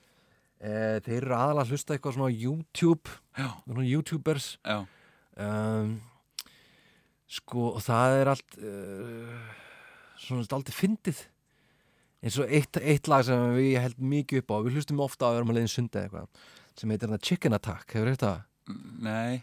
Svona, ég veit ekki hvað hann er hann er ábyggla frá Kína eða eitthvað gæinn Já, já, sem syngur það, er svo geggjað hann að þetta er svona, það svona góð saga það er eitthvað, svona húmor mjög fyndið. Það er svona Chicken Attack oh, oh, oh, oh, oh, svona jóðl. Já, já, já, og það er eitthvað gæði sem verður fyrir árás kjúkling og, og þetta er bara málið. Já.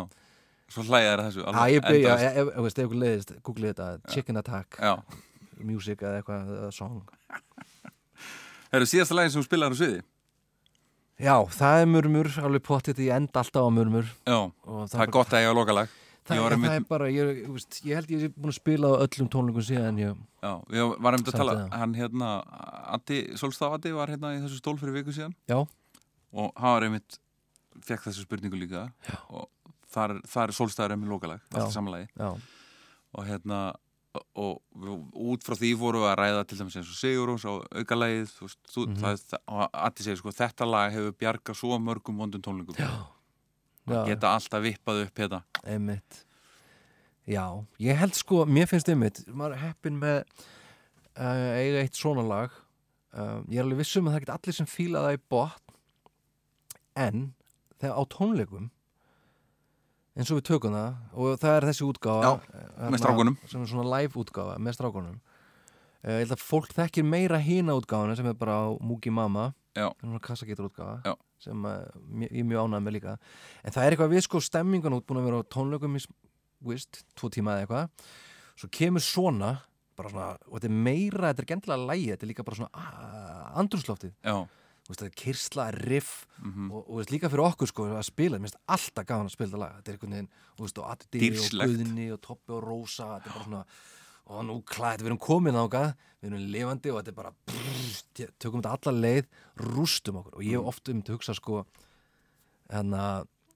veist, bara e engin afsláttur. Nei. Að því svo, sko, að því ég sjálfur með svona, ég er hrættur við uppklöpp bara, það fyrir illa í sálinni í mér, ég, ég bara get ekki lappað að sviði og ætlast til þess að fólk klappi mig upp, Já. ég bara get þetta ekki sko. Það, er, eitthvað bara, veist, vera ég, ég- hérna, ég ber fu- með fullri virðingu fyrir fólki sem að er búin að mastera þetta ég, veist, ég skil að þetta er svona suspense eða Mhm. þetta býr til spennu og það er gaman að klappa fólku upp og svo leiðis en ég persónulega bara get þetta ekki. Mhm, að- að að sviði, já, nú er ég í þykistunni farin mhm. og, og, og á samt, þú veist, eitt af bestu lögunum mínum eftir. Og það vita það og allir. þetta er svona leikrit og það vita þetta allir. Ég, ég get, ég bara Nei. get ekki þessa spennu Þannig sko, að það er ekkit uppklapp eftir mörmur Það er ekkit hægt. Aldrei. Og, og þarna, þannig að ég byði nú oft bara fólku um að klappa mig í þykistunni upp strax, búm Já. Svo ég geti farið í þetta lag Já. og þegar þetta lag er búið þá er gagslust að halda áfram Já.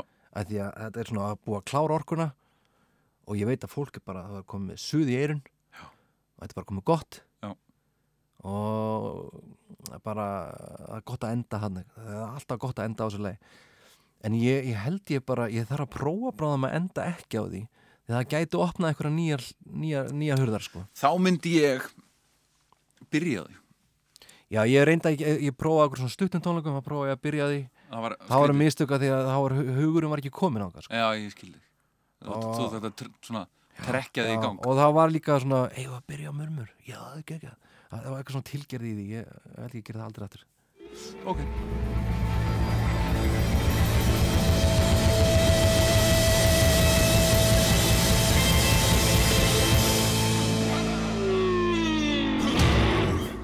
is my mom, she's my save. And I'm a troubled boy on to the grave. And I pretend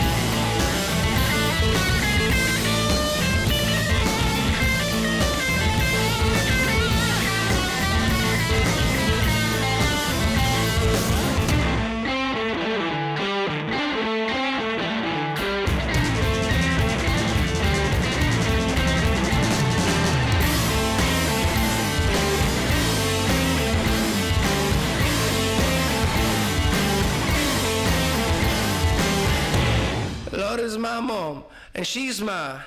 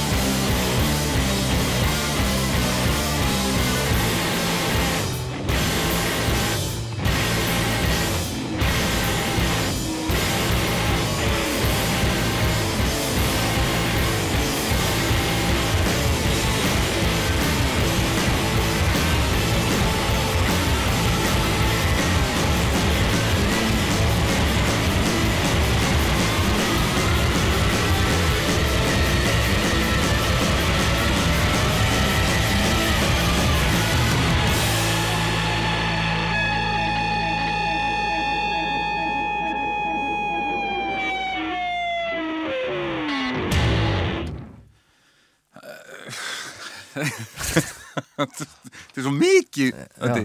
Þetta er allt og mikið. Menna, Ég þurfa að veiða núna ef þú situr heim í stofu. Nú langar þetta bara að slökka og fara að gera eitthvað annað. Við þurfum að halda áfram sko. En við þurfum að halda áfram og við bara mann ykkur að koma með okkur í næstu þrjú fjögulög Já, en þetta Ekki er ítrökkum platan sem gafst út eftir að hafa verið bara Já, við túrum í svona tvö ár. Já. Stanslust, hljómsveitin og þá vorum við með í heilt ár var hérna Davíð Þór og Pétur Ben með okkur Já, og svo vorum við í ár sem vorum þrýr Já. en þannig erum við með Pétur og Davíð með okkur þetta var svona, mér langaði að eiga þetta moment, vorum já. að túra vorum hérna með Queens of the Stone Age Já. í einhverja mánuð eitthvað svo leiðis í Kanada og svo fórum við sem þetta band, þú veist um alla Evrópunu, eiginlega svona tvisvar Já. Og mér fannst náttúrulega Davíð Þór og, og Pétur Ben sem viðbót með Adda og Guðna á þessum tíma var og meiri séð, það var eitt, eitt alveg geggjað sko. Uh, Addi eignaði sitt fyr- fyrsta barn, það fór hann heim í mánuð og við fengum hérna hann hérna hann var stóli úr mér. Egil Rapsson ekki Egil. Egil kom og var með okkur og hann passaði svo vel inn í hópin Já, og er svo geggjaðu trómari og hann er örfendur Já. þannig að hann svona speglast við Adda. Þannig við heldum eina tónleika með þeim tveimur. Nei, og á þessum tíma báðir í ykkur gargandi formi. Á móti hver örum á, já, hlið við hlið. Þannig þeir deildu, þú veist, páku og svona. Og sjóið var náttúrulega algjörlega skil við, við vorum allir í auka hlutverki þetta var þeirra Já, já. sjó sko og þetta var eitthvað skemmtilegt sem ég vildi Hvar óska var þetta? ég held að við, við, þetta var á NASA fullt Já. NASA. Eitthvað skemmtilegt sem ég hef gert sko. Það var svo mikið power í loftinu og svo mikið test, uh, testosterón Aha. shit, ég er ennþá að ná mér sko.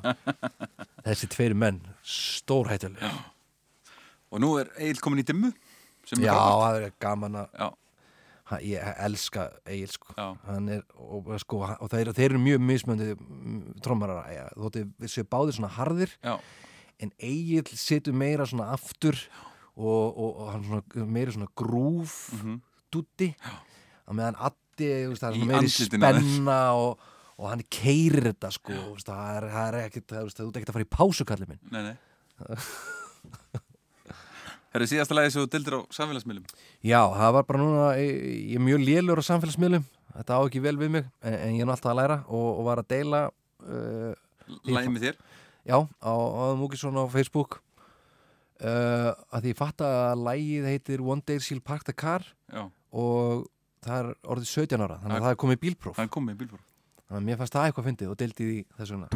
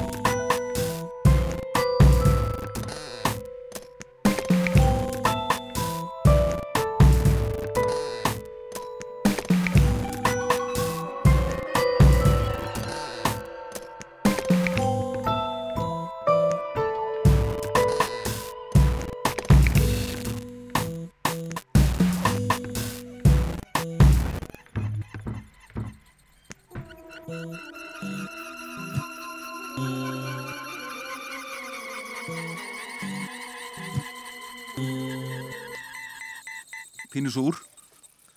Já, eh, mjög ánægð með þetta lag. Já.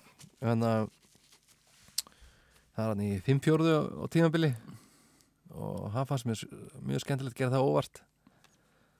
Komin í jazzin bara. Líku við. Það er sendið mér SMS, ásakið um, Ég samti þetta í hérna London. Já. Ég var að læra þar. Já. á laptopin, mm heimilislaus. Mm. 10 kíló að laptop ábygglega Já, bygglega minn heldur en símannir okkar í dag. Í öll- í öllu samingi um, Ákvært að hlusta núna, Ötti, hvað er svona mikið? Heyrðu, ég fór bara að því ég var ekki alveg viss að ég hlusta svolítið mikið Þannig ég fór á Spotify og spurði hvað er ég að hlusta? Og þá er þetta mest spilasta lag uh, uh, á síðast ári. Það er Pegasi með Jessica Hoop. Mm -hmm. Búin að vera að hlusta mikið á svona konur á síðast ári. Susanna Sonford Adele hann, nei, Ad- Adeli er nú mann ekki hvað hann heitir. Og já, fleiri svona í þessum stíl svona fólk orienterað nýtt með eitthvað nýja vinkil. Það eru bara áttu síðasta ári hjá mér. Jessica Hoop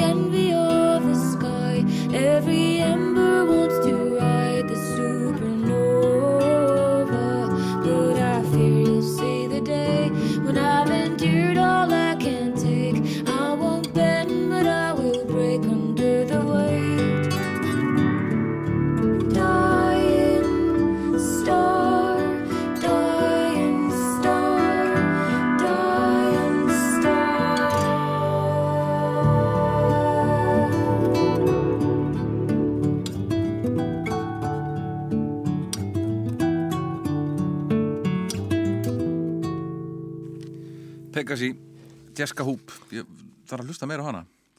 Já, hún býr í Manchester og er tengd þarna í Elbow krúinu Já.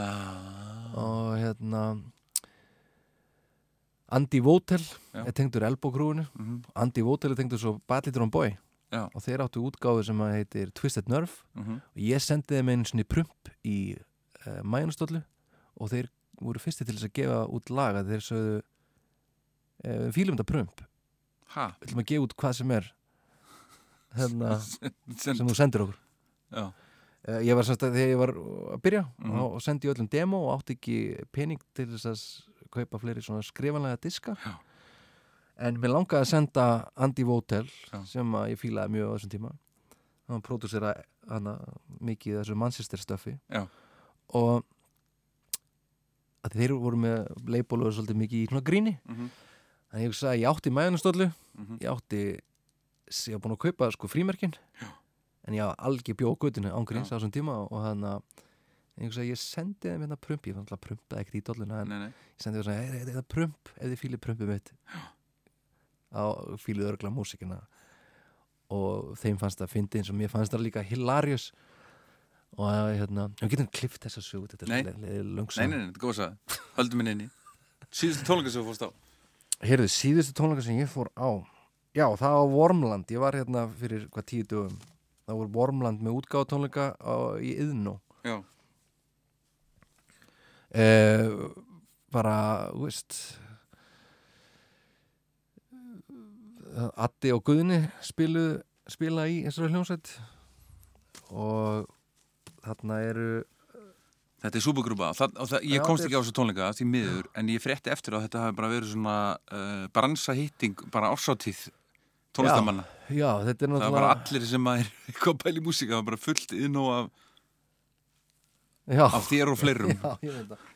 Já, þetta var ræðislega, þetta var gott ættamót Já, það ekki? Jú, og þeir bara voru ógislega flottir. Já, Þetta var flott sjó um þetta á miðgutaskvöldi það sem er sérstakt. Mhm.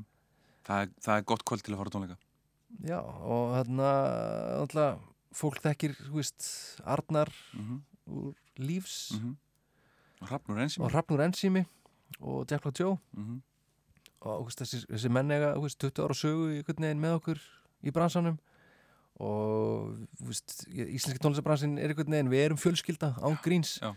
og þú veist, mér finnst á, á, allir sem spila hljófæri eða syngja eða vinna bókarar eða whatever, mér, við erum án gríns fjölskylda og nátengt uh, við, þetta er svo lítið land og það var æðislegt. Að fara tónleikar að hlusta á góða músík og gefa veist, kollega sínum high five einhvern veginn og leiðin inn og leiðin út.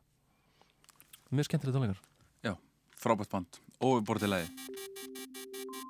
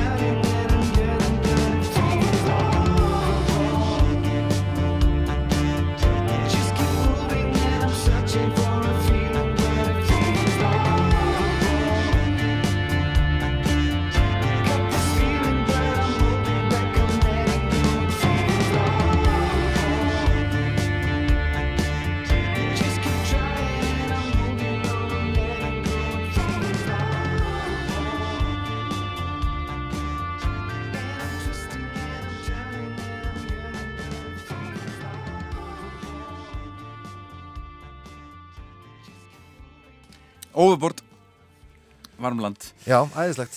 Örd Guðmundsson, tónlistamæður frá Súðauk Takk fyrir að vera gestur minn. Herru, minn var bara heiðurinn. Þetta var vera mjög gaman. Sem fyrst aftur bara. Já, það ekki? Já. Ég, mér finnst sko Þá bara fyrir heim. þetta, er, þetta, er, þetta er með erfiðari þáttum. Þú verður bara uh, kingja því Matti, að þetta er ekki hægt. Nei, ég veit það. Bjóða tónlistamönnum upp á þetta að- velja hitt og þetta.